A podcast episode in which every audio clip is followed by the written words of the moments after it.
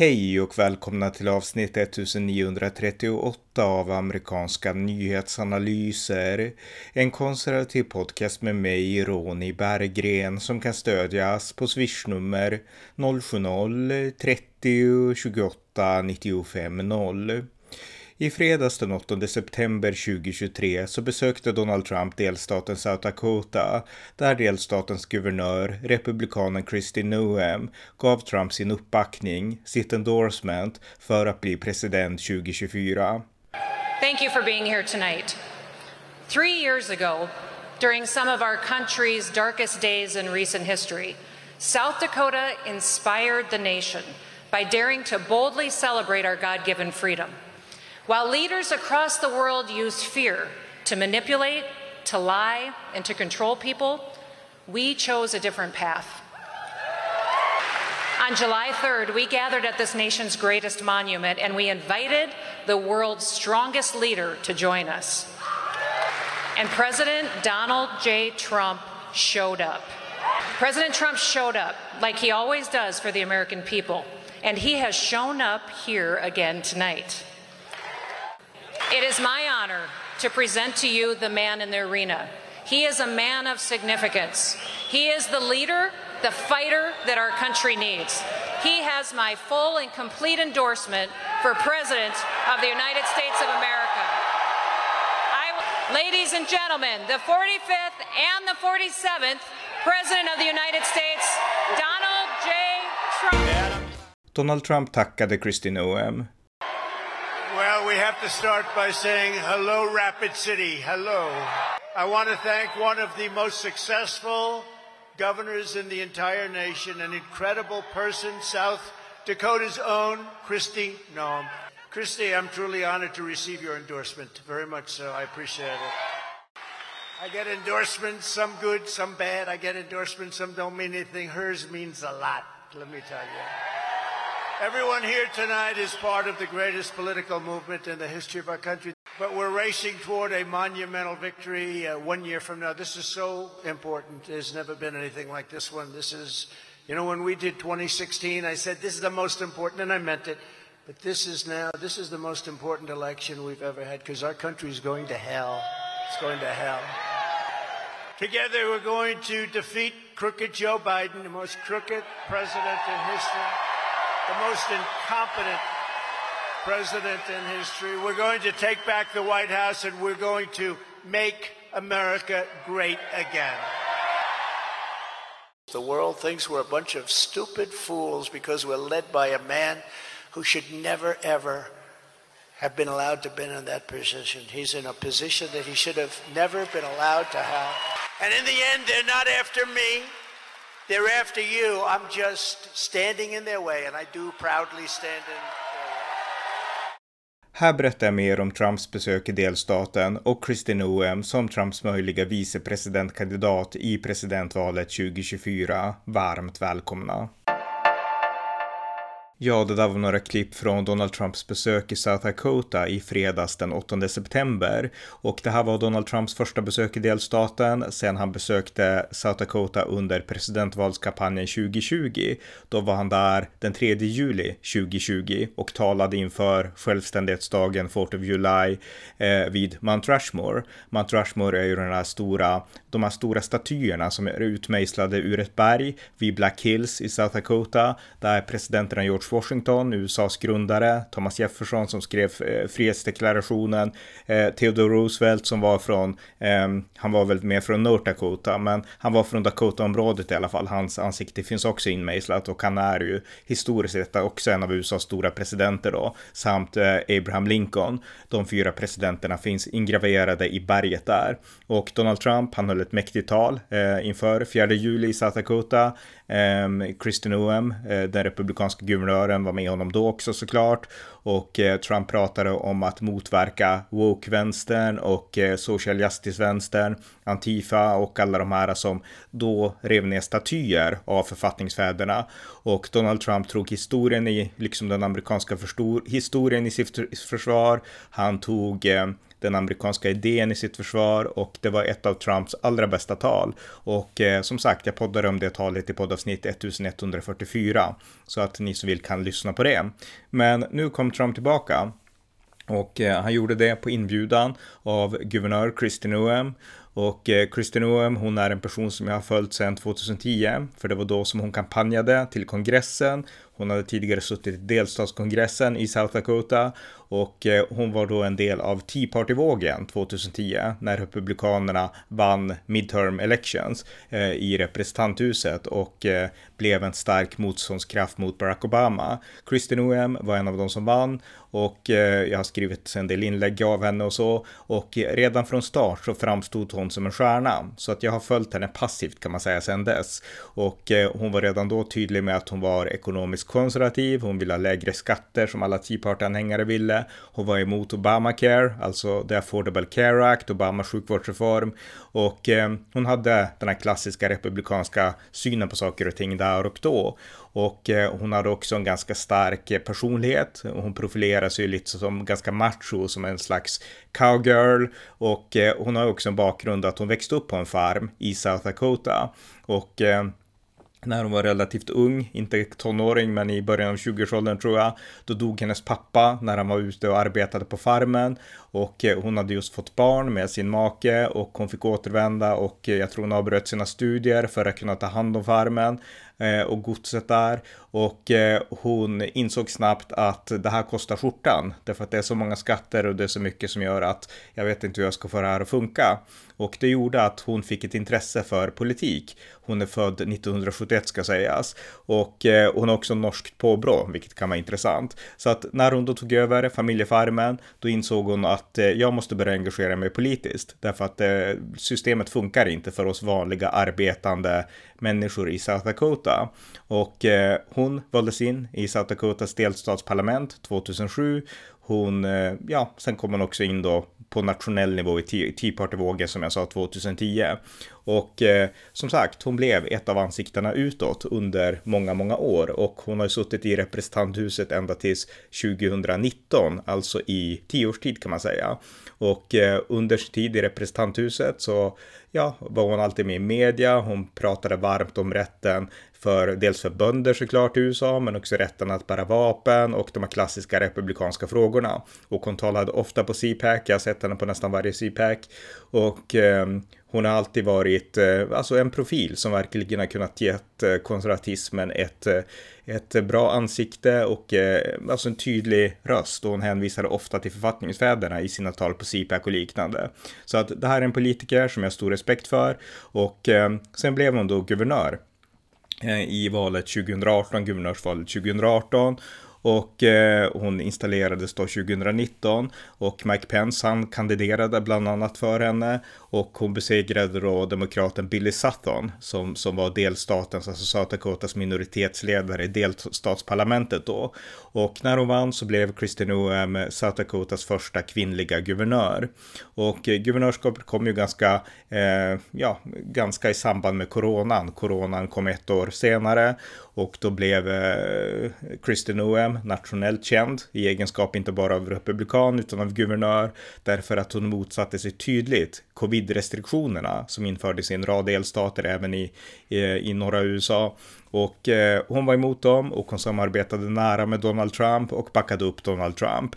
Och eh, 2022 eh, så vann hon omval med 62 procent mot 35 procent för sin demokratiska motståndare Jamie Smith. Och eh, under Kristin Owen så har South Dakota avskaffat skatter, alltså inkomstskatter tror jag inte finns, utan du tjänar väldigt bra om du arbetar i South Dakota för att de driver en så vänlig och gynnsam skattepolitik. Hon är också abortmotståndare och har i princip eh, stoppat aborter i South Dakota. Hon är vapenvän och eh, gällande arbeten så driver hon nu en stor nationell reklamkampanj för att locka arbetare till South Dakota och eh, hon lockar dem med att vi har ingen inkomstskatt och hon har gjort en rad videos, de är ganska roliga. Till exempel en video gjorde hon där man ser en person som står och svetsar med så här skyddsglasögon och svetsar vid ett bord. Och eh, det är en röst som säger att South Dakota, vi behöver arbetare, vi behöver svetsare och här finns möjligheter. Och så lyfter den här svetsaren på masken och då är det hon som står där och säger välkommen till South Dakota ungefär.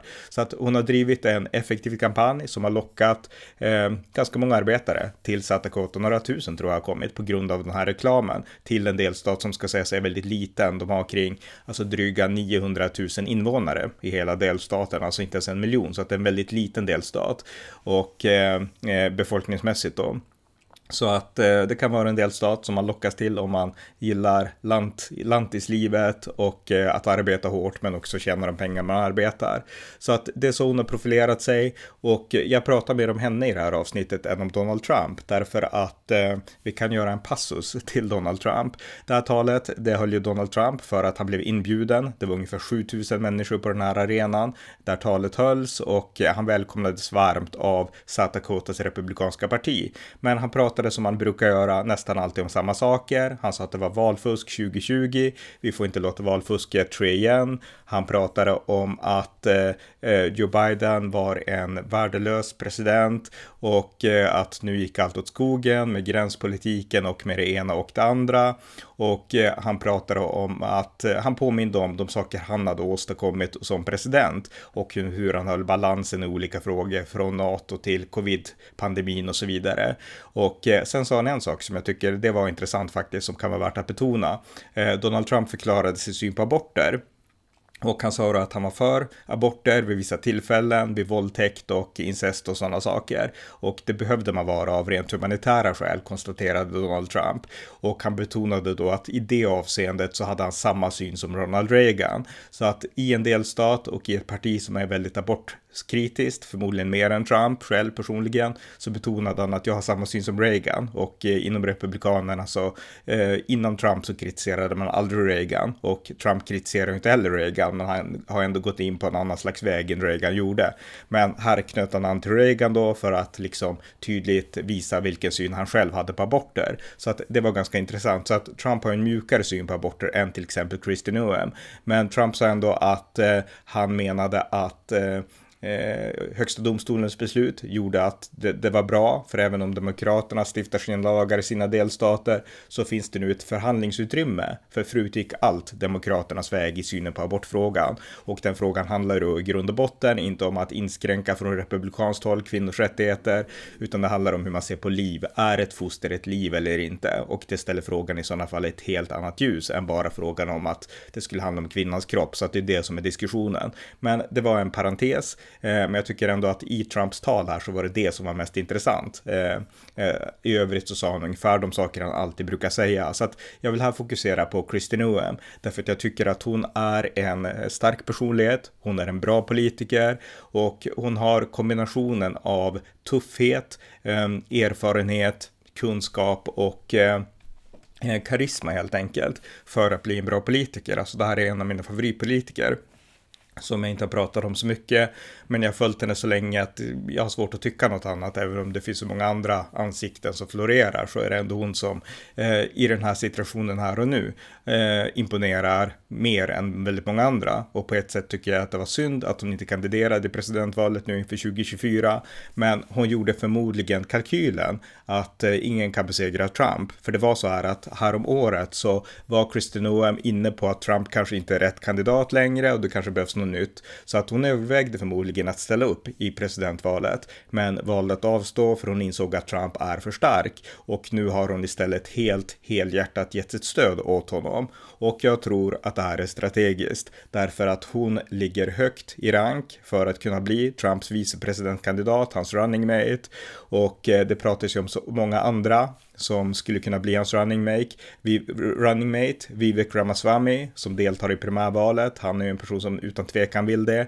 Eh, Mike Pence vill absolut inte och många andra vill det inte, men Vivek Ramaswamy av de här aktiva presidentkandidaterna vill det förmodligen. Men sen har vi andra personligheter på sidan som förmodligen också vill det. Det har spekulerats om kongresskvinnan Mary Taylor Greene från Georgia. Det har spekulerats om den tidigare Eh, guvernörskandidaten Kerry Lake från Arizona som eh, running mates till Donald Trump utifrån då att de är väldigt lojala.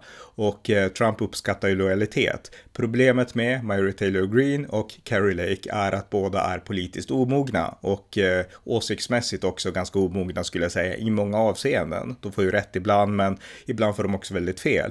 Och det är det som skiljer dem från en sån som Kristin Noem som är klockren. Alltså hon har eh, tio års erfarenhet i kongressen, hon har fyra års erfarenhet som guvernör, ja, mer nu nästan. Och hon är en, hon är en proffspolitiker, hon har växt in i den rollen och hon är självskapad, hon har växt upp på den där ranchen, sin farm, hon har en fritid som påminner om Ronald Reagans, hon gillar att rida och eh, sådana här saker. Alltså hon är liksom genuin på ett sätt som många andra inte är. Och eh, hon vill, hon sa i en intervju på Newsmax att eh, Eh, självklart, alltså om Trump frågar mig så man måste överväga det. Så att jag menar, hon, hon indikerade att hon gärna skulle vilja bli, även om hon inte sa det rakt ut, Trumps running mate. Och både hon och Trumps team har ju tonat ner det och sagt att det är liksom inte läge för det just nu. Men hon finns absolut längst, långt upp där på listan. Och jag tycker utan tvekan att av de Trumps val som Trump har att förhålla sig till så skulle Kristin Noem verkligen lyfta hans eh, möjliga presidentkandidatur. Hon har också en tydlig syn på utrikespolitik ska sägas. Hon har arbetat i försvarsutskottet tror jag och eh, hon har också lett, vilket hon sa i sitt tal, hon har lett då South Dakotas National Guard och eh, hon är en stark kritiker av Kina. Hon vill ha en stark och tydlig gränspolitik och eh, så. Eh, när det gäller Ukraina så är hon, precis som Trump, eh, mer försiktig. Det republikanska partiet har ju backat från sitt stöd till Ukraina. Det är en av de här sakerna som skiljer Trumps republikanska parti från Ronald Reagan och George W. Bush republikanska parti som helt backade upp de östeuropeiska länderna. Donald Trump och republikanerna idag gör inte det på samma sätt och även Kristi Noem är försiktigare där. Men har man följt Kristi Noem under en längre tid, vilket jag hon har gjort, så vet man att hon har en tydlig syn på utrikespolitik från Israel till Kina och så vidare. Och eh, nu blåser de här vindarna i partiet att Ukraina kanske inte är vårt krig. Eh, så är det och Kristin Noem förhåller sig till det. Men ska man ha en sund analys, en sund syn på saken så skulle hon kunna hålla balansen även i förhållande till Ryssland på ett sätt som Mary Taylor Green och Carrie Lake absolut inte skulle göra. För de har kommit in nu på sistone, de är helt inne i de här idéerna om att det är djupa stater som styr och att det är Joe Bidens krig och så vidare. Eh, Kristin Noem har i grund och botten inte den synen, även om hon säkert kan spela med lite grann nu. Men hon är mycket mer etablerad i den klassiska republikanska utrikespolitiska synen, även om hon kanske inte på samma sätt ger sken av det och det återstår ju att se hur hon skulle ställa sig till Ukraina. Men hon är mycket mer förankrad i liksom den republikanska utrikespolitiska idéfloran. Det är det som är grejen. Och bara det i sig ger stabilitet. Så att jag kan redan nu säga att om Trump skulle välja, eller jag kan redan nu säga så här att Christian Noem är min favorit som republikansk vicepresidentkandidat. Och Trump eller någon annan, men det blir väl förmodligen Trump. Och eh, skulle hon bli vicepresidentkandidat så skulle hon stärka Trumps ticket utan tvekan. Och då inte bara i rent valpolitiskt strategiskt syfte utan även som en spelare på den nationella och internationella scenen. Så att jag tycker väldigt bra om Kristin Noem. Så att jag vill mest använda den här podden till att betona att här har vi en politiker som är erfaren och som